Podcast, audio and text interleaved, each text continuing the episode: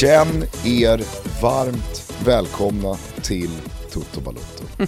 Jag hade sett fram emot den här veckan något oerhört mycket här. Det har varit mycket med omstarten av Champions League, fullt fokus, parallellt fotbollssöndag i Europa, mycket kuppboll. Jag har bara matat här.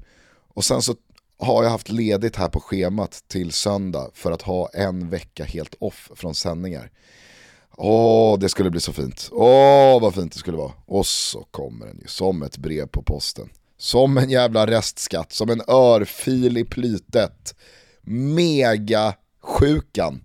Ja, man, man har glömt bort coronan lite grann eh, efter att kriget i Ukraina drog igång. Rapporterna har minskat och fokuset framförallt då kanske har försvunnit men eh, är det, är det digerdöden du, du sitter på eller? Nej, vet, känslan är väl att det, det spelar väl ingen roll. Nej. Det är ändå över snart. och, det, och det ska sägas, det är fan inte synd om mig de här dagarna. Jag, jag söker inte någon, någon, någon, empati här. Men som ni kanske hör så mår jag inte eh, kalas. Nej. Jag är väl knappast i toppform, Nej. som eh, Gunvald hade sagt. Eh, men Toto Balotto är en pansarkryssare som inte stannar för någon. Så att vi ångar väl på precis som vanligt. Eh, dock eh, på distans för första gången på väldigt, väldigt länge konstaterade vi båda två här när vi satte upp mackapärerna. Ja men exakt, eh, det var, ju, det var ju mycket så under pandemitiden så körde vi eh, på, på distans. Eh, men jag tänkte på det, är ventilationen av? Är den trasig? Det är lite så, lite så det låter där borta. Så är det inte jävligt dålig luft där inne? jävligt dålig luft där inne, boom! För fan, för fan boom hela tiden! Ventilationen av, är trasig. Ja hörni, stort tack återigen då till alla som hört av sig kring Beck-avsnittet, det var ju kul. Eh, får se om det blir det någonting framöver. Liksom, det slutar liksom aldrig rulla in eh, hyllningar av, det, av den Nej, episoden. Det bara, det bara, det bara öser på. Ja, men jag snackade med, det är otroligt. Jag gjorde Toto 5 här om dagen, eh, på tal om så här skilda, eh, skilda världar. Eh, du ligger där nu sjuk, men jag ska till Sandviken i helgen. Uh, och, och för, förra helgen så var jag och såg på en massa fotboll, så uh, lite damboll i kuppen och sen så var jag och kollade på Sollentuna mot uh, IFK Norrköping på måndagskvällen. Då hade Robin Bylund varit nere och hämtat hem en titel med Liverpool i, i ligacupen som vi pratade om. Eh, då, då stod, stod, stod, man själv på, på Grimsta IP och kollade på Sollentuna. I helgen då, eh, för jag brukar göra så när jag ska ut och resa i alla fall, så ska jag till Sandviken Gugge. Eh, tjejerna ska spela cup där, en av Sveriges största futsalkupper, Göransson Cup. Eh, och det känns också som, eh, alltså på ett sätt så känns det som en baksida av fotbollen. Det känns verkligen gräsrot och allt det där. Men det känns också jävla härligt att efter den här pandemin och jag vet att jag liksom talar ut till eh, dels föräldrar som lyssnar på den här podcasten, men också ledare och folk som verkar inom fotbollen. Att eh, alltså nu drar det igång. Man, glöm, man, glömmer, man glömt bort lite pandemin nästan, som jag, som jag var inne på, det var hit jag skulle komma. Att så här, fan vad, vad gött det är, jag vet att du kanske inte bryr dig och du har inte barn och sådär, men, men jag vill ändå liksom eh, eh, väldigt eh, nästan uppjagad, uppeggad, eh, tala om att kupplivet drar igång igen eh, den här helgen. Återigen ska jag få sitta i en karg lobby tillsammans med andra föräldrar i laget och dricka en god lager.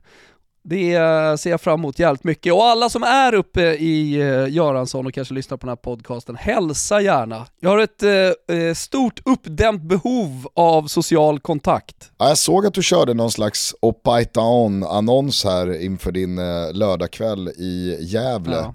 Noterade också att eh, någon eh, het, lynnig, 20 någonting gubbe bjöd med dig på sup ja. med han och hans ja. sex polare. Ja, den, den sköt du ner. att kliva in här och... Don't! det här ska inte slås följe. Ja, exakt.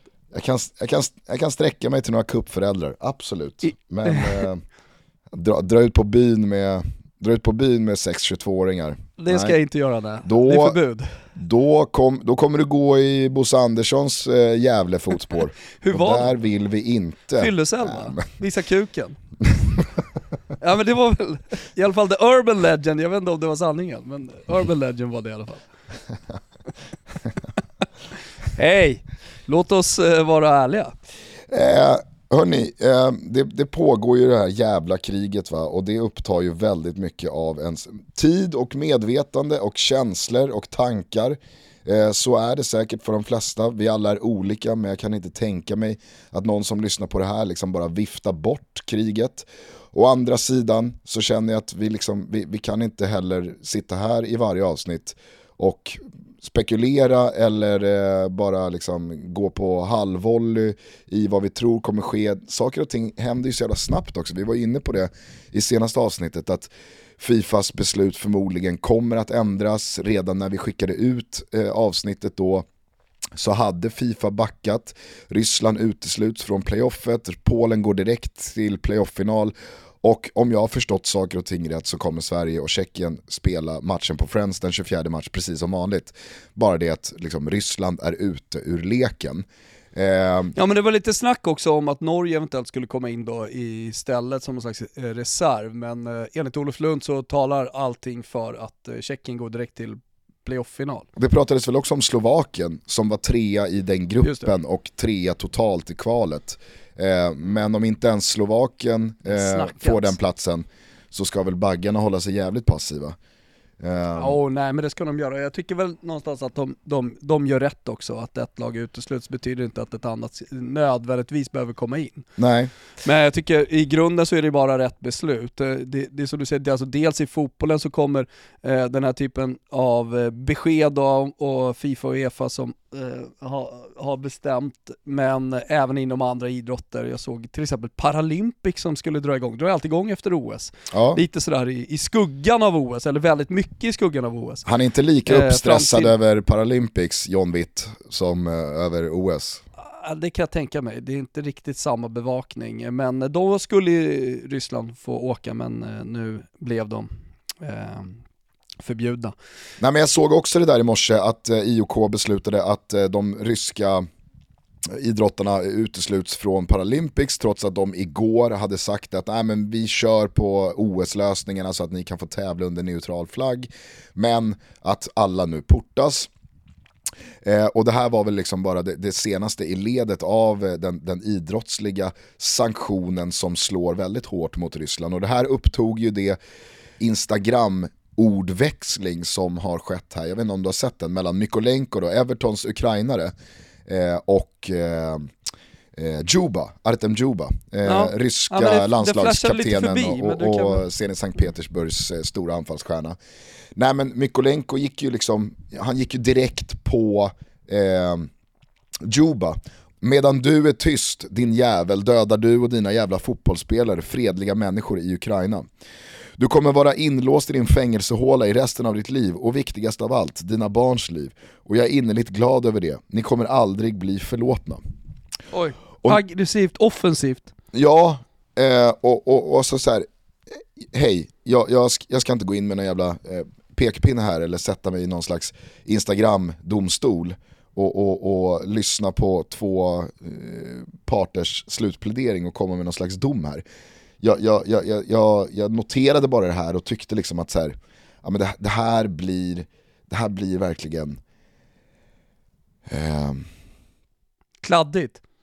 Ja, ja men för, för att liksom så här, då, då, då svarar då Juba på sin Instagram.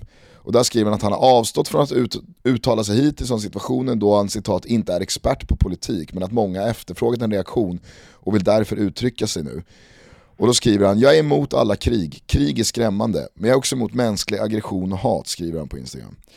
Jag är emot diskriminering på nationell nivå, jag skäms inte över att vara ryss, jag är stolt över att vara ryss och jag förstår inte varför alla idrottare måste lida nu. Allt detta skapar bara ännu mer negativitet. Kriget kommer att ta slut, men mänskliga relationer kommer att finnas kvar och det kommer inte att vara möjligt att ta tillbaka detta. Tänk på det. Kan väl känna här att man kanske inte behöver flagga med sin liksom patriotism just de här dagarna och liksom understryka hur stolt han är över att vara ryss. Men jag kan ju också förstå liksom känslan av orättvisa i att alla idrottare inte i sak är de som liksom vare sig ligger bakom någonting eller kanske än viktigare, gör någonting här. Eh, Men vet du vad jag känner? Vet vad jag känner när jag hör det där? Nej. Att, eh, och det, det är någonting som jag kanske alltid eftersöker och alltid försöker eh, efterleva. Alltså, nå, någon slags princip om att alltid vara ärlig i svar. Alltså är jag förbannad så, eh, så, så svarar jag argt. Eh, och är det någonting som jag tycker saknas lite generellt sett i idrottsvärlden så, så är det någon slags ärlighet. Eh, och, och det är klart att liksom, i vissa fall så måste man lägga band på sig själv, eh, idrottare med många följare, eller människor generellt sett med många följare, måste tänka på vilka konsekvenser saker man säger får. Eh, men jag upplever ju Juba i alla fall helt ärlig i den här situationen. Det är ganska enkelt att läsa honom vad han tycker om, eh, om det som händer i Ukraina. Eh, jag, jag, ser också en, liksom, en ganska skön eh, ärlighet liksom i ukrainaren även om man är aggressivt offensiv i det här. Jag känner själv eh, ett behov av att säga att Ryssland är ett jävla pissland som ständigt har varit ett hot. Eh, jag minns 80-talet när det var kalla kriget och man ständigt gick omkring och pratade om att ryssen kommer. Eh, och, och det, det, hotet med ubåtar i skärgården och, eh, nej men nå, nå, någonstans så här, ständig eh, ständig rädsla för eh, det stora landet i öst har, har, har liksom funnits med, men försvann ju under 90-talet efter att Sovjetunionen blev Ryssland och eh, Eh, ja, de senaste, år, de senaste 25 åren så har man inte tänkt speciellt mycket på, på, på det. Även om de har kränkt eh, luftrum och det har dykt eh, upp en och annan ubåt. Niklas Svensson har, har flygit upp i en helikopter och jagat eh, för Expressens räkning. Absolut, det, det har, ryssen har ju alltid funnits närvarande på något sätt. Men jag känner ju själv nu att jag bara vill skrika ut vilket jävla pissland Ryssland är och hur mycket jag hatar ryssar när jag är på semester. Mm. Det, det, det, det, det säger jag i de stängda rummen. Ja, abs eh, absolut. Det är så här, nu, nu, sa, nu, sa, nu sa jag det i, i podden, men så tycker jag verkligen, och så har jag alltid tyckt, och jag hatar kommunism. Eh, så så det, det, ja, men, det är väl, det, man, måste, man måste också få vara ärlig. Ja, jag ja, förstår att man ibland måste lägga band på sig själv och att Ukraina, eh, eh, eh, eh, fotbollsspelaren här, liksom kanske borde ha tonat ner det lite.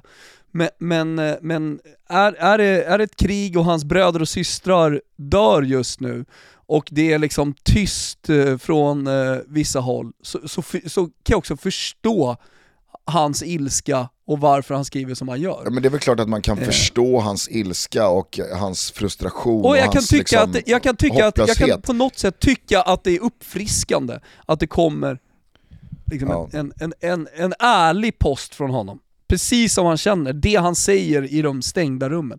Ibland så finns det en plats för det också. Jo, absolut, men det jag tror att jag far efter och det jag liksom så vill försöka ringa in, det är ju att det, det, det, det känns långt ifrån konstruktivt, det, det känns snarare som en jävla grogrund. Men varför måste allting hela tiden vara konstruktivt? Nej, nej, allting måste, allt vara, måste alla personer hela tiden vara konstruktiva? Nej, men... Kan man inte bara få visa känslor ibland? Det, är det där man... kan jag också bli så jävla trött på, att allt, all, allt ska, allting ska alltid vara konstruktivt. Okay. Det behöver inte alltid vara konstruktivt, det kan, vara, det kan bara vara känslor också. Ja. Okej, okay, alltså så här, visst, allt behöver inte alltid vara konstruktivt. Men om jag formulerar mig så här då, tror du inte att man liksom svänger in på en jävligt liksom oskön och farlig väg om man börjar adressera alla ryska idrottare, alla ryska stora profiler som inte går ut och fördömer det här och att liksom så här call them out och att då, ska, då, då är de liksom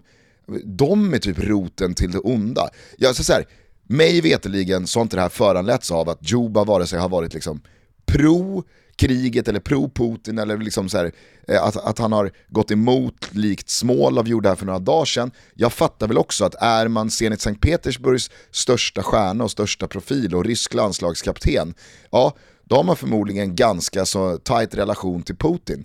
Men jag kan också tycka att det blir lite liksom guilt by association, att eh, man, man, man, man önskar liksom eh, Juba ett ruttet liv i fängelse långt bort från sina barn för att han har varit, vadå, tyst? Tyst på Instagram. Mm. Nej, och det, det, det är ju det rimliga att säga och det, det är väl... Är, är det väl, det konstruktiva att säga? ja, men, konstruktivt eller inte, men, men eh, det, det, jag, tror att det, jag tror att det är svårt i, i de här tillfällena för alla personer, alla fotbollsspelare eller vem det nu är, att, att bara säga det smarta hela tiden. Jag menar bara att det finns plats för den här typen av känslor också. Uh, och, och, med det sagt så betyder inte det att vi ska, vi ska gå och jaga varenda rysk idrottsman eller fotbollsspelare. Det, det, det, är inte det jag menar. Jag menar bara att det måste finnas en förståelse för att någon jävel tappar det någon gång. Man måste väl också kunna få känna... Och i det här fallet, och i det här fallet liksom adressera Juba. Visst, det kanske är får det testa, det kanske är galet, men, men, men det, jag, jag, jag förstår det också. Ja, och, och, och, precis lika mycket som att jag till 100% stöttar liksom de stenhårda sanktionerna mot rysk idrott och sport, att så här, you're out. Ah, det gäller allihopa. Så kan jag ju också uppbringa någon slags empati för de handikappade ryska curlingspelarna som har liksom gnuggat för den här Paralympics-turneringen i fyra år, som nu liksom inte är välkomna. Jag kan ju tycka, liksom, jag kan ju tycka synd om dem. De har ja, fan inte gjort Det finns någonting. många ryssar man tycker synd om. Ja, De, eller, det eller, finns många, det, det är men... många modiga som går ut på torgen och eh, protesterar mot kriget i de ryska storstäderna. Jag såg tusentals i Sankt Petersburg, i, i Moskva, Eh, och eh, samtidigt så blir de arresterade för de, för, för de får inte. Eh, och, och det, det, är klart man känner både sympati och empati för dem. Ja, och jag säger bara det, att... Alltså, det, var inte det, det var inte det mitt, eh, alltså, mi, min reaktion mot det här Instagram-inlägget handlade om. Nej, Utan men... jag menar bara att ibland måste det finnas lite jävla plats för känslor också. Absolut, men låt säga att eh, den ryska Paralympics-motsvarigheten till, vad heter svenska curlinggubben, Niklas Edin. Säg att han är super pro-Putin.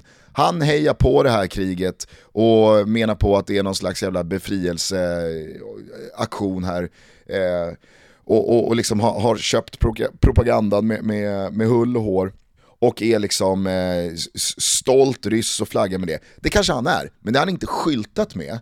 Men jag liksom så här, bara för att han är tyst på sina sociala medier så ska jag då liksom, då, då, ska, då ska jag önska honom ett liv i, nej, men, i en fängelsehåla. Nu, nu, nej men nu, nu analyserar du och du resonerar klokt kring vad, vad man borde skriva och inte skriva. Det, det, jag, det enda jag säger är att det måste finnas plats för den här typen av känslor också. Ja. Vad är det för värld annars? Alltså, det pågår ett krig i Ukraina, samtidigt så, så pågår en stor hatkampanj i Florens mot eh, eh Dusan Vlahovic. Vi ska till Florens, vi ska till Florens. Jo, men, men, men, det finns en koppling här ändå någonstans att göra. Bara för att det pågår så betyder det inte att vi ska gå och ge blommor till varandra över hela världen. Nej, nej, nej, nej, herregud. Eh, men, och okay. att det inte finns plats för känslor. Vi har just nu ett exklusivt samarbete tillsammans med Björn Borg. Koden TOTOBALOTO20 ger er, ja som ni förstår, 20% rabatt på deras nya kollektion och alla ordinarie priser på björnborg.com. Här gäller en liten tid framöver så det gäller att vara på tå. Eh, just nu har de kommit med en ny kollektion som heter SS22 och den här kollektionen är så kallat bättre val. Toto Balotto har ju kommit igång med träningen år 2022 och då vill man ju både vara snygg och ha väldigt bra funktionella kläder. Så när jag går på gymmet numera då är jag kittad Björn Borg. De har väldigt mycket snygga grejer. Och sen så tänker jag också, nu står vi inför en vår och eh, en sommar är det inte lite dags att fylla på underklädesförrådet? Finns ju inget mer klassiskt än ett par jalingar från eh, Björn Borg. Deras nya kollektion som sagt, SS22, ett bättre val och en jäkligt snygg kollektion. Så gå in på björnborg.com och glöm inte bort att koden då är TOTOBALOTTO20 så får ni 20% rabatt. Skynda, fynda, vi säger stort tack till Björn Borg. Hörrni, vi är sponsrade av Leos Lekland, min favoritplats tillsammans med Florens på det här jordklotet. Vad är det som är så kul på Leos Lekland då? Jo, man klättrar, man springer, man kör parkour, man studsar, man åker äh, jävligt roliga ska sägas, rutschkanor och man är där ungefär i, i tre timmar och det är tre för mig i alla fall ganska intensiva eh, timmar för att eh, jag kör ju samma sak som, som Florens. Ganska svettig när jag går därifrån. Men det är, det är förbannat kul. Och jag vet inte hur det är med era barn eller barnbarn eh, eller systers barn eller brorsars barn. Men Florens sitter en hel del med paddan. Det blir ju så. Spelar alla möjliga olika spel på den. Och då är det ganska skönt att veta att de under de här tre timmarna, ja då springer hon ungefär 11 000 steg som motsvarar 7 kilometer. Och då får ju jag, tänker jag, också 7 kilometer i kroppen. Så det är bra, man aktiverar, men framförallt i grunden, det är sjukt jävla kul. Sport, lek, äventyr och en massa roliga attraktioner på ett gigantiskt lekland. Bollhavet, bara en sån sak. Helt fantastiskt. Passa på att få lite skärmfri tid under de här mörka vintermånaderna. Ta era barn till Leos lekland och jag vet att det finns ingenting som de uppskattar mer än att dra dit under tre timmar. Så uh, omfamna nöjet, omfamna det roliga ta er till Leos lekland, precis som jag och Florens. Vi säger stort tack för att ni är med och möjliggör Toto Balotto. Vi kan lämna Mikolenko och eh, Juba-dispyten därhän. Jag skulle bara vilja höra då, eftersom du nu precis som jag är lite uppe i varv här kring att känslor måste få finnas och ofiltrerade uttalanden måste få existera. Har du läst Peter Schmeichel? och vad han har att säga om Olof Lund? För det första eh, så måste jag bara säga att jag tyckte att, att eh, Olof Lund vann rond 1 på knockout. Alltså, jag vet inte om vi ska gå, ba, ba, backa tillbaka till, eh, var det i Saudiarabien, var det i... Eh, Nej, det var i Qatar. Abu Dhabi. Ett, ett år innan VM-premiären var ju det en stor samling. Eh, i Qatar. Kan ha varit Dubai, men, men, men det var liksom Qatar eller Dubai, men det var liksom, nu är det ett år till VM och då gjorde ju Fifa en stor grej av det, de körde någon typ av invigning och då var de ju där med sitt liksom Fifa Legends-band, däribland då Peter Schmeichel. Eh, Olof Lund var där på plats för att rapportera om liksom ett år till VM, gjorde ju ett par otroliga intervjuer med eh, både, eh, alltså, är det Emir, är det va? Ja, någon slags emir ja. Ja, det är ingen shake utan det är en emir. Eh, och han gjorde intervjuer med gästarbetare eh, som inte vågade framträda med vare sig ansikte eller namn. Eh, han ställde kritiska frågor till Fifa-delegater och då bland annat så fick han en intervju med Peter Schmeichel. Där han eh, ställde de här kritiska frågorna till hur Peter Schmeichel liksom resonerade och tänker kring att liksom, ja, men ställa upp med sitt namn och sin legacy och sin person på att liksom fronta det här mycket, mycket utskällda och ifrågasatta världsmästerskapet. Och det här förstod ju inte Peter Schmeichel överhuvudtaget. Alltså överhuvudtaget förstod han inte Olofs kritiska frågor. Nej, och, och uppenbarligen så har han inte glömt det som hände. Alltså den här intervjun har ju uppenbarligen varit med honom sedan dess, eller hur? Någon gång ska jag hämnas mot den här jävla Olof Lund. Ja. Och nu har han Vad då är det han säger nu? Nej, men nu har han då intervjuats i dansk media om det här. Eh, och, eh, eller kanske inte liksom specifikt det här, utan framförallt då för att han har synts väldigt mycket på bild med Vladimir Putin senaste åren. Kanske i synnerhet då i och runt 2018 då Peter Schmeichel tog ett expertgig på Russia Today eh, tror jag tv-kanalen heter. Eh, det är väl liksom eh, Putins kanal så det bara sjunger om det. Där satt eh, Peter Schmeichel och eh, gjorde väl såklart sitt jobb i att prata om matcher och liksom analysera någon räddning och eh, snacka försvarsspel och eh, så ha, ha sin take på det fotbollsmässiga. Det fattar väl jag också att han är där för att göra. Men det blir ju nu de här dagarna med Eh, Qatar-VM eh, i, i höstas i ryggen så blir det ju såklart eh, av, av stort intresse för framförallt då dansk media att liksom fråga Peter Schmeichel om det här. Alltså, ger du dig i kast med de här personerna och de här sammanhangen när skiten då träffar fläkten, ja men då får du väl vara beredd på att folk liksom vill fråga vad du tänker och känner kring det. Ångrar du någonting? Hur, hur, hur resonerar du idag? då tappar ju Peter Schmeichel i den här intervjun och börjar då liksom, ja men, vilt parera eh, kring frågorna om då Russia Today och Putin, men då liksom för att, jag vet inte, landa i någon slags sympati, att folk har varit på med ett halvår här nu. Det var någon jävla svensk journalist i Qatar som beskyllde mig för 15 000 människors död. Vilket Olof såklart inte hade gjort. Alltså verkligen inte. Raka motsatsen snarare. Eh, och eh, då läste jag bara någon intervju här med Olof här i Expressen i morse. Att han kallar Peter Schmeichels liksom, kontring för patetisk. Mm. Och, eh... ja, men vänta bara Olof Lund och vänta bara världen tills Wilbur José ser till att informationen går fram till Peter Schmeichel att Olof Lund, han är minsann en stor Leeds-supporter. Då jävlar kommer ni få höra på konspirationsteorier kring Olof, eh, Olof Lunds journalistik och varför han ställer de här frågorna. Ja. Ja, någonting säger mig att vi inte har sett den sista ronden i tungviktsmatchen Peter Schmeichel mm. versus Olof Lund. Men jag tror att vi är ganska många domare som eh, tycker att Olof leder på poäng efter två ronder.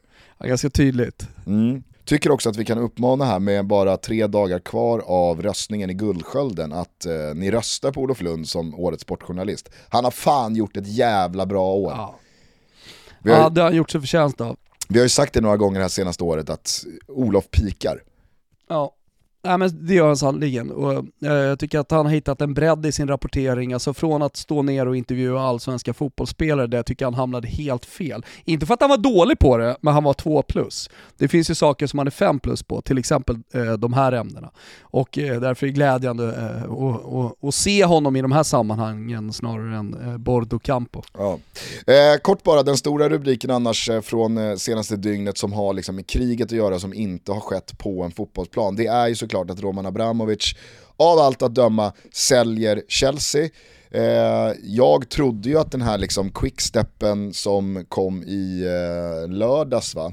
Eh, där han då tar ett steg bort från Chelsea, eller släpper över eh, ägandet till någon trustfond, eh, snarare var någon typ av liksom så här, eh, som, som Montgomery Burns gör i Simpsons när han liksom han, han skriver över kärnkraftverket på någon undulat för att han inte ska kunna vara liksom juridiskt ansvarig. Eh, You could go to jail. And a handsome man like you, I'd hate to think what would happen. I wouldn't go to jail. The legal owner of this plant would. Canary M. Burns. this entire plant is in his name. So when they come to put C.M. Burns in jail, It's the canary that does the time. Sir, can, can you do that? Oh, yes. Tycoons have been doing it for years. Why, Standard Oil was once owned by a half-eaten breakfast. Ja, men jag, jag, trodde, jag trodde verkligen att det till 100% var en sån manöver Abramovic eh, gjorde. Och, och, det, och det är väl rimligt liksom. Eh, sen återigen, jag, jag är alldeles för eh, okunnig när det kommer till liksom, Abramovic faktiska eh, politiska makt i Ryssland och i det här Eller kriget. agenda. Eller agenda. Det jag bara konstaterar är, det är att jag, liksom många andra tror jag, blev förvånad över när det igår då kom klart och tydligt att jag säljer eh, och att han dessutom i den här ganska korta och tydliga kommuniken eh, var väldigt rak med att jag kommer inte kräva klubben på att de ska betala tillbaka pengarna jag har lånat ut till dem eh, och nettovinsten kommer jag skänka till offren eh, i kriget i Ukraina. Det var ju många som spekulerade då att så här, aha, vilka offer då? De ukrainska eller ryska? Jag förutsätter att Abramovic menar de ukrainska. Eh, jag tycker att det är tydligt nog att han, att han pratar om ett krig. Eh, och jag tycker att det här är en väldigt tydlig fingervisning om att Abramovic tar liksom lite handen från Putin. Mm. Ja men exakt. Eh, det är en del oligarker som har gjort det den senaste tiden, får vi se vad som händer. Men återigen, det är krigstotto och där är vi inte starka. Vi kan väl gå vidare med lite fotboll då kanske Gustav? Det kan vi göra. Eh, ta mig nu tillbaka till gårdagskvällen, till dina känslor, till dina gamla ultraspolares känslor, till hur du kan tänka dig att känslorna eh, tog sig uttryck igår runt eh, Artemio Frank i Florens. När Dusan Vlahovic var tillbaka en dryg månad efter att han lämnade för den värsta tänkbara adressen i en Coppa Italia-semifinal inför, det var fan inga 75% igår Frankie, det var Nej. 89. Ja, man, man, eh, man hade hittat på 75% eh, men där hade man tagit in betydligt fler tycker det var knökat på båda långsidorna som man inte har sett tidigare. Det var knökat i kurvan. Eh, och eh, annars får man inte ihop den typen av eh, tifo-koreografi eh, som eh, Fiorentina eh, visade upp inför matchen. Men nej, men det är klart att Eh, man fingrade på flygbiljetter eh, och så började man tänka vilken jinx-tanke, jag kan inte boka liksom, till finalen redan nu, jag måste vänta ut det. Så vet man om också att den returen då, eftersom det här var första mötet eh, av två, skulle spelas i slutet på april, kanske lika bra att boka den där flygbiljetten till finalen ändå. Jag har ju som supporter till Fiorentina i stort sett hela mitt liv, men framförallt de senaste 20 åren när jag varit nära, Eh, aldrig upplevt en titel. Jag har upplevt eh, eh, skärselden, helvetet och jag tycker ändå någonstans att jag upplevt paradiset också med eh, eh europeisk fotboll cupfotboll, eh, Champions League-vinster och eh, ja, liksom stora ögonblick eh, när Fiorentina kommer tillbaka. Eh, men fortfarande ingen titel alltså, så att eh, den saknas mig i mitt liv. Eh, jag var på den där Coppa Italia-finalen mot Napoli som jag tycker att vi borde ha vunnit, men inte heller då blev det en titel. Så att, nej, men det, det, den, den här matchen betydde, med det sagt då, väldigt mycket sportsligt. Att vara två matcher ifrån en final. Eh, och så på det då det som du beskriver, eh, på det då historien och eh, eh, den långa rivaliteten mot eh, Juventus och många symboliska eh, domslut som har gått emot Fiorentina, allt det där eh, känner säkert många av våra lyssnare till. Eh, och Ja, jag vet inte, det, det kändes som att det skulle verkligen så här, någonstans skulle hatet kulminera igår, eh, dels mot Juventus men också då väldigt riktat mot eh, Dusan Vlahovic och det, det, var väl ungefär eh, så det blev. Och sen så är ju matchen en egen historia i, i det här. Men jag tycker att, jag tycker att, eh, eh jag tycker, jag tycker att Fiorentina gör, gör det jävligt snyggt och med eh, stor känsla eh, riktar, alltså dels går tillbaka till sin historia som han är väldigt stolt över, eh, och eh, det, det, han som Italien eh, kallar för eh, eh, det italienska språkets fader, Dante Alighieri, och, och, i Dante Alighieris text då hittar eh, ammunition mot Dusan Vlahovic. Det, det tycker jag var kanske en av de snyggaste liksom, det var en av de mest genomtänkta eh, koreografierna som jag sett. Och vad var budskapet då här då, eh, för de som inte har Nej, men, sett det eller något sånt? Eh, jag, be jag behöver liksom inte dra Dantes eh, historia, men jag kan bara kort säga att han var, varför kallas han för italienska språkets fader? Jo, för att han skrev det första eposet, den första stora texten Eh, på vulgärlatin. Innan så eh, skrev man på latin och folket kunde inte läsa det. Man, man förstod inte. Men eh, i och med att han då skrev på vulgärlatin, eh, det, det språket som folket talade på den tiden, eh, så kunde alla ta till sig det här. Jag pratar såklart om eh, Dantes gudomliga komedi. Och Eh, I, i eh, en, en av sångerna, en av verserna, eh, så befinner han sig i helvetet och han springer då på förrädarna. Så att hela, hela den sången i La Divina Commedia är tillägnat då alla förrädare. Och då, då, då har Fiorentina då tifot med helvetet, eld, och sen under då så skriver man bara Fiorenza, gamla namnet på Florens, ditt namn är stort och känt även i helvetet. Eh, så bara valet av versen är ju direkt riktat då mot Vlahovic som är en förrädare. Eh, och innan, innan tifot ska säga så håller man upp en stor dantesk banderoll också med ytterligare citat från den gudomliga komedin som är “Nu vill jag inte att du talar mer förbannade förrädare. Jag kommer berätta sanningen om dig på jorden, för de, och där kommer de håna dig”. Ja, vad, vad eh, så, så det, det, det, ja, det, var, det var ruskigt starkt, det var ett snyggt tifo, det var eh, stor symbolik och eh, med stor finess eh, också som Fiorentina fick till där. Och eh, för er som eh, sitter och kliar lite i huvudet och undrar hur fan det här gick då, så slutade det också på ett så här perfekt helvetiskt sätt för Fiorentina när då eh, Venuti gör självmål i 92 minuten, det sista som händer och Juventus segrar med 1-0. En match Juventus verkligen inte förtjänar att vinna. För jag tycker Fiorentina verkligen så här rise to the occasion här. Alltså det var, det var en sån eh, överkörning i form av att liksom ett lag hade hela arenan med sig och verkligen gick på det. Sen så var det ju inte, alltså så här, det skulle inte slutat 5-0 till Fiorentina, det är absolut inte det jag säger. Tycker dessutom att Juventus kostar ju på sig kanske liksom en eller två roteringar för mycket i sin elva, som är ganska skadeskjuten och, och brandskattad, absolut. Eh, men, men Fiorentina gick ju ut här och liksom, det är nu vi har chansen att göra någonting och ta tillbaka någonting som vi har väntat på i flera, flera år. Eh, tycker också att Dusan Blaovic, liksom, han kanske inte såg märkbart eh, störd ut över tillställningen och eh, visselorkanerna och, och, och liksom hela den miljö som var. Eh, tycker han slet på helt okej, okay. men det blev ju långt ifrån hans match. Han får ju dock ett läge i slutet av matchen när han liksom tar sig igenom på en, på en lång boll i djupet, eh, brottar undan om det är Milenkovic eh, eller om det var Igor, jag kommer inte ihåg, eh, och ska bara liksom eh, lyfta den över Terracciano. Men missar avslutet helt. Och, och där känns han ju ändå liksom lite tagen av stundens allvar. Ja men det är klart, det är klart han är tagen av stundens allvar. Det var 10 000 eh, visselpiper i Kurva Fiesole som varje gång han fick bollen göd.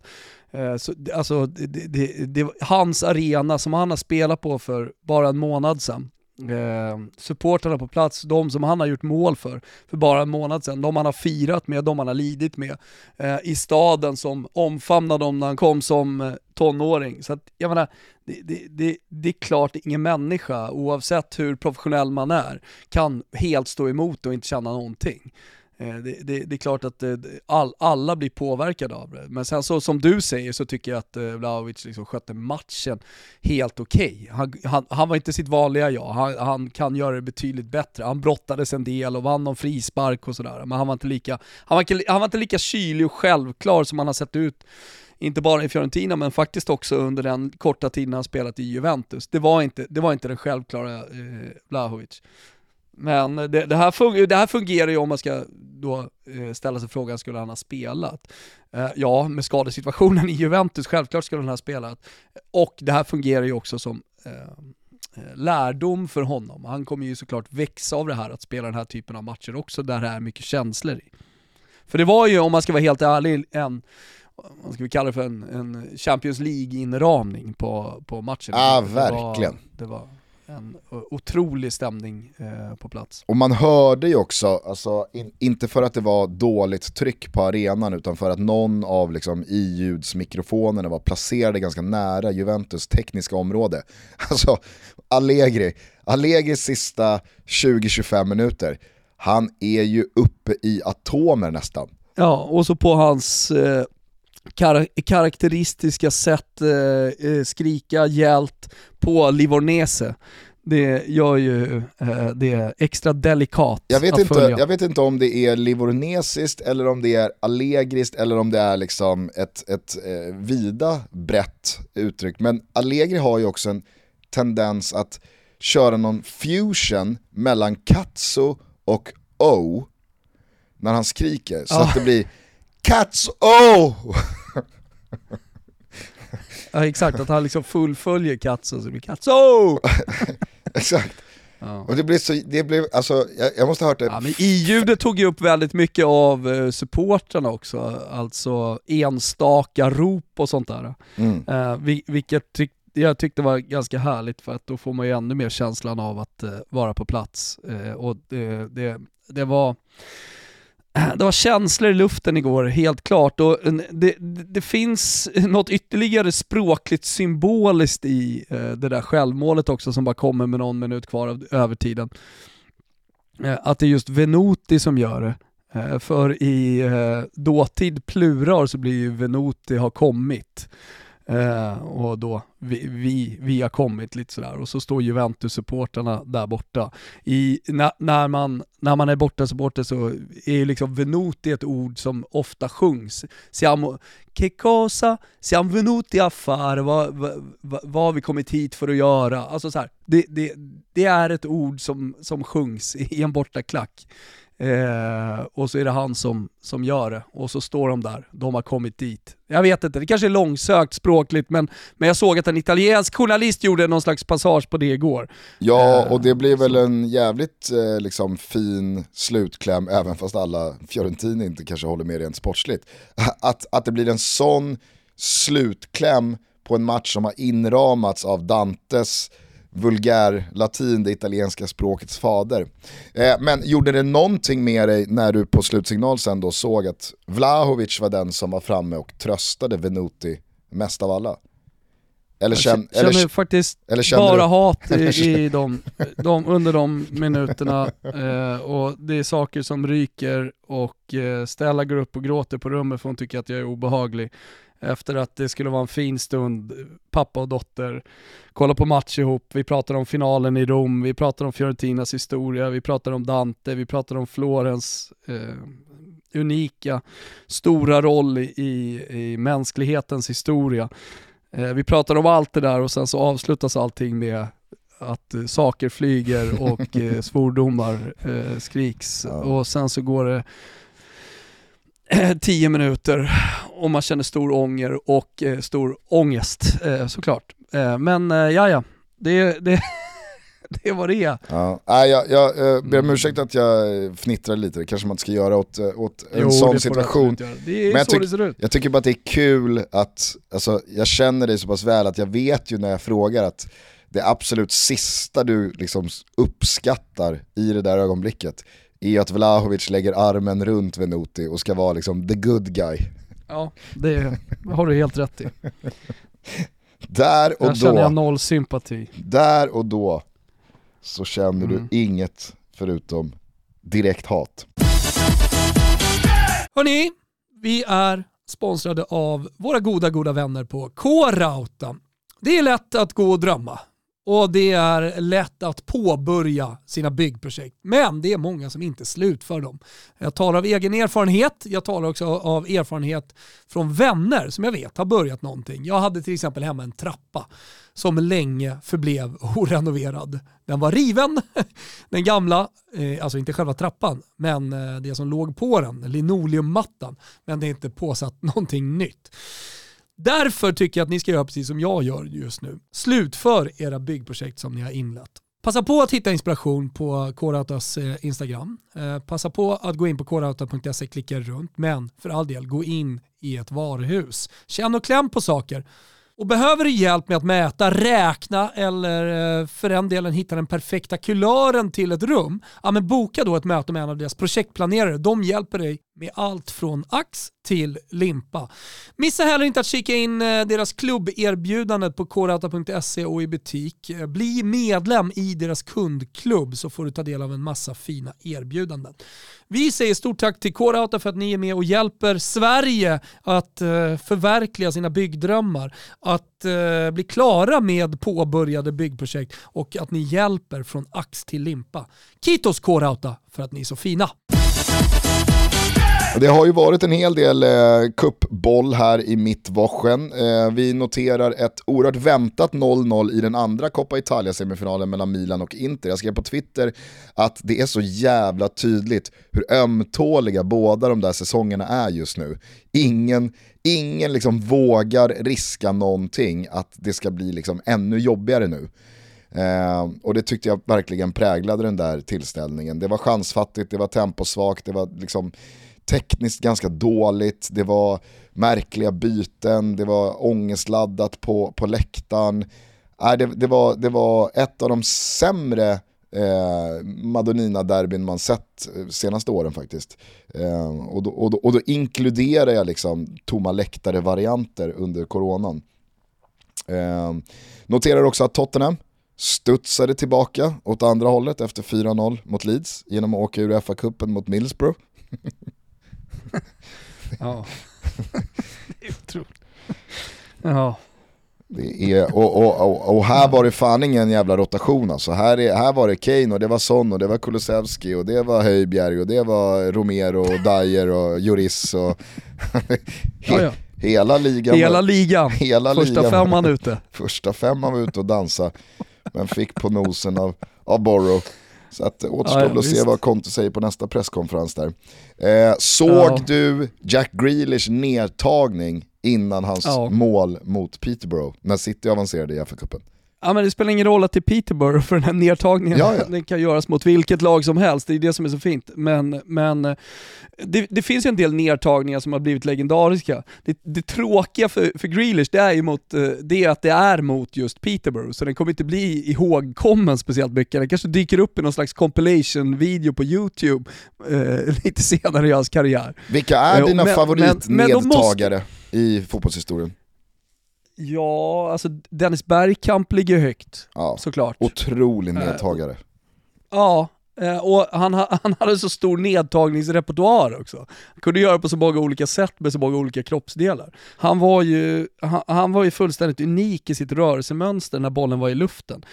Uh, så, så, jag skulle nästan vilja hylla honom främst för hans nedtagningar. Om man ska komma ihåg Dennis Bergkamp så är det för hans nedtagningar. Mm. Ja. han, han, var, han var såklart stor. Vem dyker upp för dig då? Eh, nej men eh, jag tänker lite att eh, en av de absolut bästa, liksom, fortfarande aktiva, tycker jag är Juan Mata. Ja, eh, han, är, han, är, han är fan otrolig på att ta ner bollen. Han kan ta ner vilken ja. boll som helst, hur hög hastighet hur som, som helst, helst, hur högt uppifrån som helst, med båda fötterna. Och den dör som en sandsäck. Men Ronaldinho var ju också en spelare som eh, hanterade bollar i luften på ett otroligt sätt också. Ja, Nej men absolut. Sen, alltså en, en, en, eh, en spelare som ska liksom spelas in här, som har noll, noll plats på den här listan på grund av det estetiska, men som var, och kanske fortfarande är, jag vet inte, det var länge sedan jag såg honom spela fotboll, men Marwan Fellaini, kanske den bästa i världen på att alltid få ner bollen på bröstet, hur trängd situationen än var. Han kunde ta vilken duell som helst och liksom bollen var som en magnet mot hans bröstkorg. Och så fick han ner den, liksom, fick han fast bollen. Han är ju jävligt underskattad i sitt felvända spel ganska långt fram i banan. Han blev ju liksom, alltså det spelet spelade han ju mer i Everton. Men sen blev han ju mer och mer reducerad till någon slags, jag vet inte, Pontus Wernbloom-figur på ett ganska lågt mittfält. Ja. Men ja, alltså Fellaini som typ en second striker i Everton, Otrolig. Ja, men jag, jag tänker också såklart på den största, eh, van Basten. Han var också eh, otroligt bra i luften och suga ner på bröstet och med, med fötterna. Och sen de stora teknikerna såklart eh, genom historien, Paul Gascoigne, eh, Roberto Baggio, eh, Diego Armando Maradona. Ja, men det, det, det finns några, men det, det, det, finns så mycket annat de är bra på. Mm. Så, så, så det var liksom inte kanske deras kännetecken.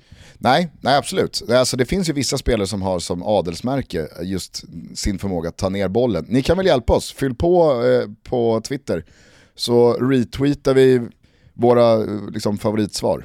Det svåra om man skulle avsluta där bara med, med Grealish är att det kommer ju bak, alltså bollen kommer ju när han är på väg framåt, mm. bak, bakifrån. Vilket alla förstår som har spelat någon slags eh, fotboll i, i livet är bland det svåraste man kan göra. Så är det. Den var otroligt vacker i alla fall. Kolla den om ni inte har sett den. Jag har retweetat den på min Twitter i alla fall. Men den du ser där. förresten Gusten, att mitt införspel här nu med eh, Madison att göra fler poäng, eller är det mål? Jag minns inte riktigt hur spelet såg ut. Men eh, det, det, går faktiskt bra. Madison han fortsätter att ösa på lite i skuggan av alla andra stora spelare i Premier League. Och i, i en säsong där, där Leicester liksom går dåligt så glömmer man bort lite hans eh, säsong, eller? Absolut. Är fel? Du som har nej, nej absolut. Sen så har ju Grealish haft en ganska jobbig säsong överlag. Den började väl helt okej okay och han gjorde mål i Champions League-debuten. Och, ja, det var väl många som liksom trodde och tänkte att ja, men nu, nu är startsträckan klar, nu, nu kommer det här börja rulla. Men det har ju liksom inte tagit fart. Det återstår väl att se här om det gör det under våren. Men nu har ju Raheem Sterling visat vårform, Mares visat vårform, Kevin De Bruyne är tillbaka, fit for fight, Bernardo Silva är otrolig. Så att liksom, det, det, det är en annan konkurrenssituation också. Så att, eh, ja, nej, det, det, det, var snyggt. det var snyggt av dig. Uh, men uh, du är ju också en, otro, en otrolig siare och urtolkare av framtiden. Eh, noterar också bara från bollen igår att eh, vår gubbe i Soton, Armando Broja, som eh, min gode vän Astrid Ajdarevic har lärt mig att det uttalas, det är inte Brocha eller Broscha eller Broja, utan det är Armando Broja. Eh, sköt Southampton vidare mot eh, West Ham i FA-cupen. Eh, gjorde ju följe tillsammans med Liverpool och Chelsea som städade av Luton respektive Norwich. Vi noterar också att Imanol Alguacil igår placerade Isak på kvisten i 90 minuter borta mot Mallorca när Real Sociedad vann med 2-0 och tog andra raka. Kanske har han spelat mycket här nu efter eh, lite småskador. Kanske är det också så att nej, nu är det kvisten som gäller ett tag. Illa, mm. illavarslande i alla fall. Kanske, men det skulle också bara kunna betyda att eh, det roteras. Liksom. Det, är, det är mycket matcher just nu. Så, Nej, att, så är det. Ja. Positivt är det i alla fall inte.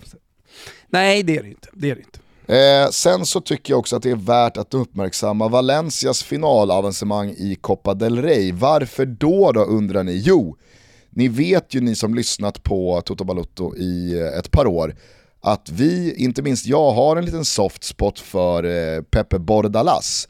Alltså José Pepe Bordalas, den gamla Getafe-tränaren som liksom kom från ingenstans, i alla fall i mitt medvetande, och gjorde ett eh, Europa League-lag av dynggänget Getafe.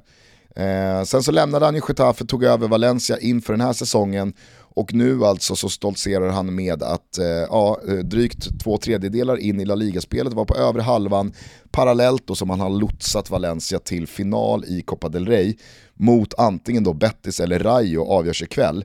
Vilket då alltså absolut får ses som en eh, fullt rimlig final att också vinna.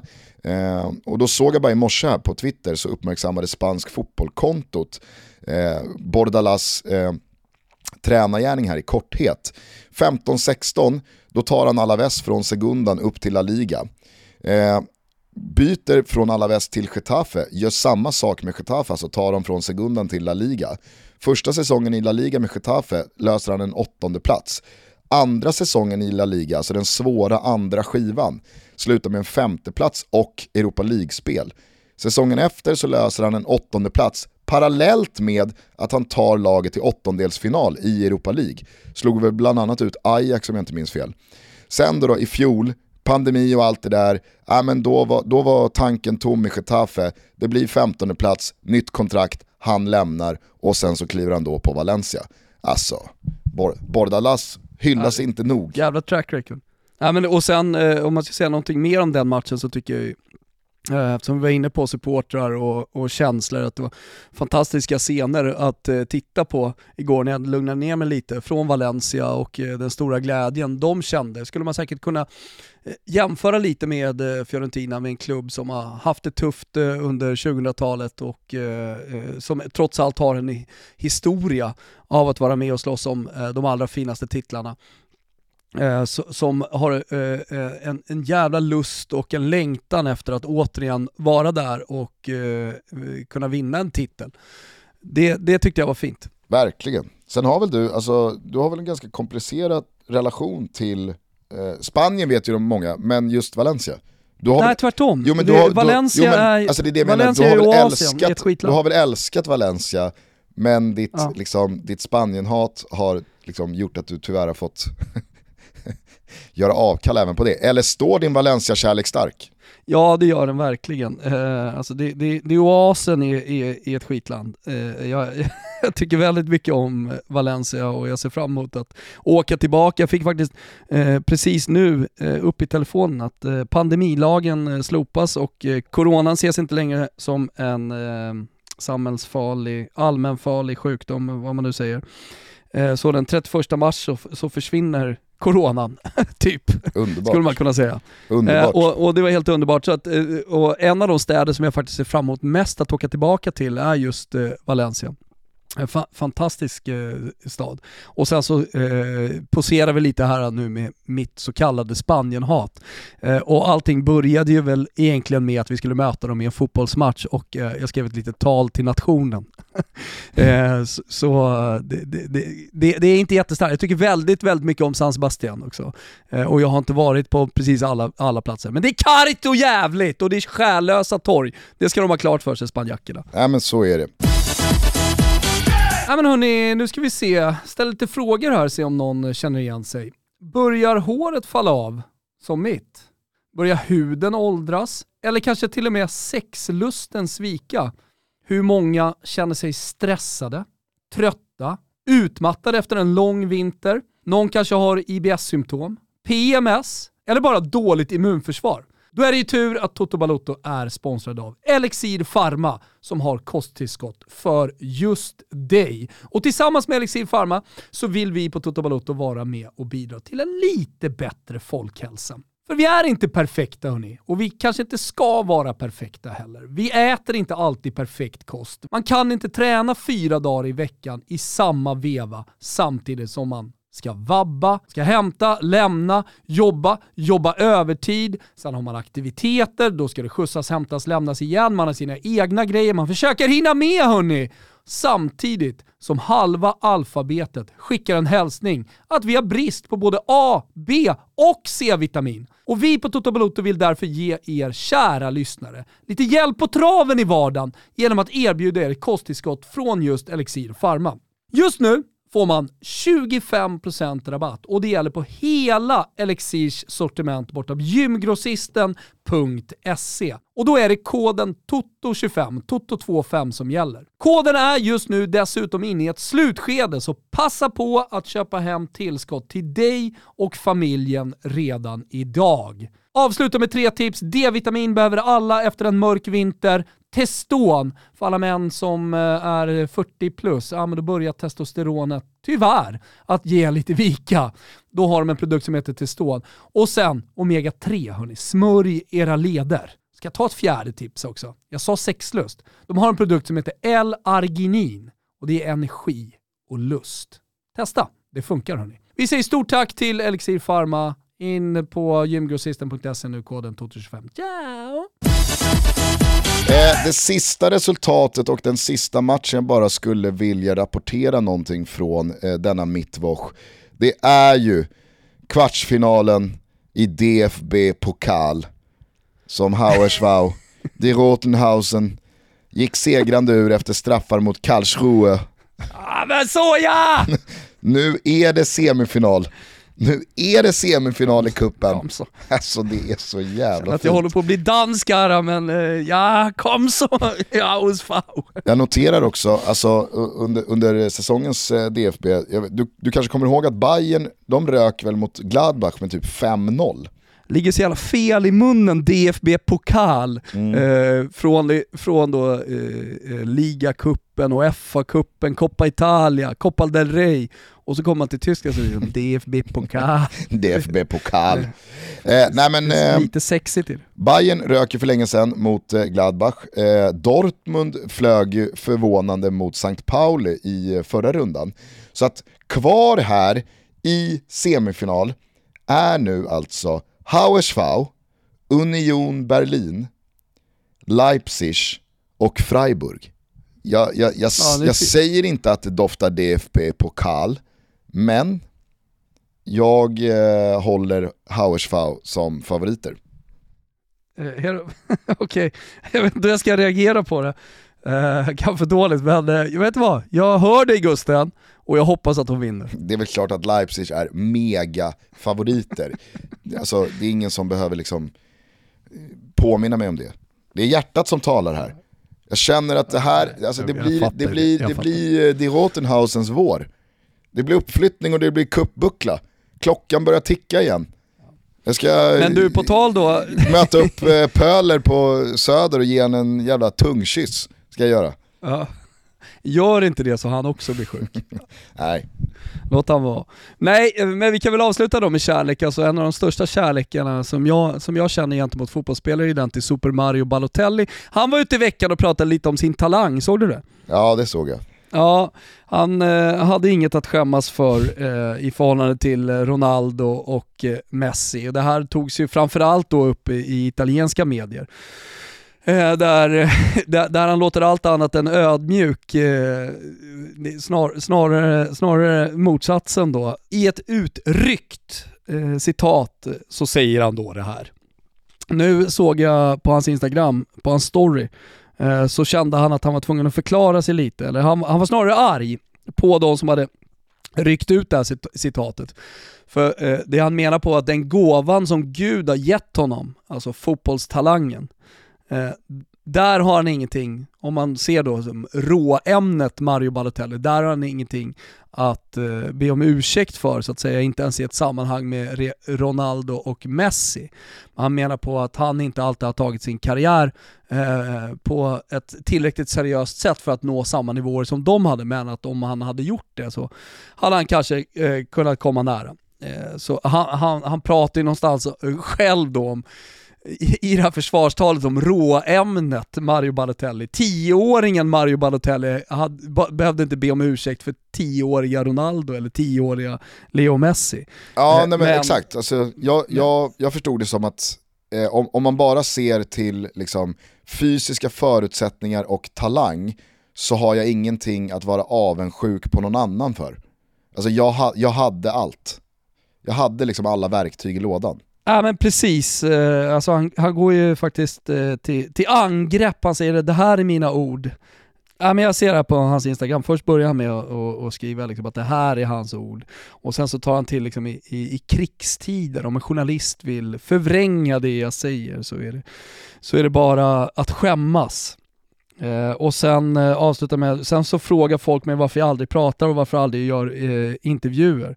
Ja det kanske inte är så jävla konstigt. Och där, där jag vet inte, har han väl en poäng. Nej men precis, det är väl den där ständiga balansgången mellan eh, vi som sitter och ropar efter att fler spelare ska säga vad de tycker och tänker och fotbollsspelare som då blir brända och förvrängda och misstolkade och felciterade som då inte är så sugen på att göra det igen. Eh, det, det, det, det är knepigt det där. Det är knepigt det där, men vi är ju alltid team Ballo i alla fall. Ja, det, det är vi sannerligen. Alltid Team Han har fått utstå mycket skit i sin karriär och ändå tycker jag lyckats stå emot mycket. Och det är härligt att se honom tillbaka i någon slags toppform igen och eh, kommer säkerligen bli uttagen till det italienska landslaget igen och han eh, aspirerar på en plats till eh, VM. Och det, det gör mig väldigt, väldigt glad eh, i annars dystra tider att tänka de tankarna. Italien kanske ska börja med att ta sig dit. Just fan. den, den, lilla detaljen den, har jag faktiskt förträngt. Den lilla detaljen, det ska brottas ner ett Portugal först va? Så vi får väl helt enkelt se hur det blir med Mario Balotelli i eh, Qatar. Ja Gusten, du vi har en jäkla helg att se fram emot, inte minst Manchester Derby och det får mig osökt eh, till eh, våran trippel eh, borta hos Betsson som ligger där under godbitar och boostade odds när ni hör det här och, och bara myser och väntar på er rygg. Eh, I eh, det nämnda derbyt mellan City och United så tror vi att det kommer spraka till lite extra och vi hoppas såklart på Elanga, men det blir chansrikt, det blir fartfyllt och det blir över 2,5 mål. 1,65 lägger oddset på eh, för singelspelet. Eh, vi tror att den faktiskt bara är att gå in och hämta. Eh, och sen så har jag sett väldigt mycket Cagliari på slutet eh, och jobbar någon slags great escape för dem. Och det ser ju, har ju sett bra ut resultatmässigt på slutet, men smash and grab-segern borta i Turin senast skulle kunna vara visserligen moralstärkande, men de har haft en del sådana segrar. De har tagit några poäng för mycket mot vad de förtjänar. Och så möter man då ett Lazio, det blir odds därefter för Lazio eh, har, har förlorat en del eh, med Sarri och så tänker alla, jaha, nej men vadå, Cagliari har ju vunnit här på slutet och Lazio har sett lite trögare ut. Ja, så går oddset upp på Lazio. Då kliver Wilbur José in och synar såklart. Det blir seger för Lazio. Och sen så då Juventus. Man bytte in Quadrado, man bytte in Morata. Det var någon slags rotering på Artemio Franki trots allt. Så minus 1,5 hemma mot eh, svartvitbröderna eh, Spezia. Eh, det är trippen, tänk på 18 bast vad man ska vara med och stödlinjen.se finns om man har problem. Det var det och ni vet när ni kollar på fotboll i helgen vilken tryck det är som gäller. Jajamensan. Ah, nu hörde jag tusentals sägare i kör i mitt huvud. Det är Pepsi Max. Nu kommer våren. Nu är det dags för lilla vårpepsin. En isbit. Den är fin, den är delikat. En isbit och sen bara en liten stänk citron. Bara några droppar. Där kommer man till vårpepsin. Och eh, det är ju faktiskt en otrolig söndag som vi har framför oss. Eh, efter det där Manchester-derbyt, City mot United 17.30, så är det ju en eh, fotbollssöndag Europakväll innehållandes Napoli mot Milan. Det snackas om att Slagge ska vara tillbaka på bänken. Napoli kommer från en övertidsseger borta mot Lazio senast, serieledare, nu bara kör de. Jag tror att det kan bli en otrolig kvällsmatch från Neapel. Parallellt med den så är det också Real Betis mot Atletico Madrid. i det där getingboet bakom Sevilla och Real Madrid i La Liga-toppen. Så att det är en riktig smällkaramell till fotbollssöndag, Europa vi har framför oss. Jag kommer dock inte vara i studion, jag hade ju tagit lite ledigt för att ha en härlig helg, istället så kommer man ligga hemma sjuk i sängen och kolla på Pintorp på gänget som rattar det där med bravur. Karma. Så att eh, det, är, det är bara att njuta av eh, vad som väntar på söndag. Sen vet ni att Champions League är tillbaka på tisdag och onsdag, så att eh, skaffa ett simor abonnemang gör det nu så kan ni dessutom kolla Svenska Cupen-bollen hela helgen lång. Underbart! Vilken helg vi har att se fram emot. Hörni, ta hand om varandra, krama om varandra, var snälla mot varandra. Så hörs vi igen med ett rykande stekhett måndagstoto. Eller hur Gugge? Det gör vi. Trevlig helg. Ciao tutti. Ciao tutti. Never know how much I love you. Never know how much I care. When you put your arms around me, I get a fever that's so hard to bear. You give me fever. When you kiss me, fever when you hold me tight. Fever in the morning, a fever all through the night. Sun lights up the daytime, moon lights up the night. I light up when you call my name, and you know I'm gonna treat you right. You give me fever. When you kiss me, fever when you hold me tight. Fever in the morning, fever all through the night. Everybody's got the fever, that is something you all know. Fever isn't such a new thing, fever started long ago.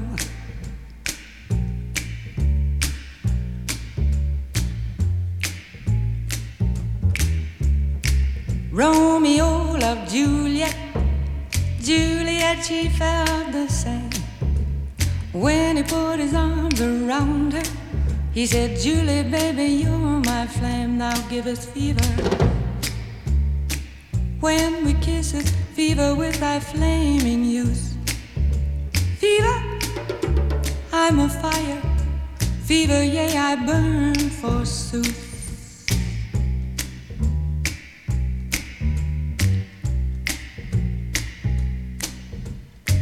Captain Smith and Pocahontas had a very mad affair. When her daddy tried to kill him, she said, Daddy, oh, don't you dare give me fever. With his kisses, fever when he holds me tight. Fever, I'm his missus. Daddy, won't you treat him right? Now you've listened to my story. Here's the point that I have made. Chicks were born to give you fever, be it Fahrenheit or centigrade, they give you fever. When you kiss them, fever, if you live, you learn. Fever, till you scissor.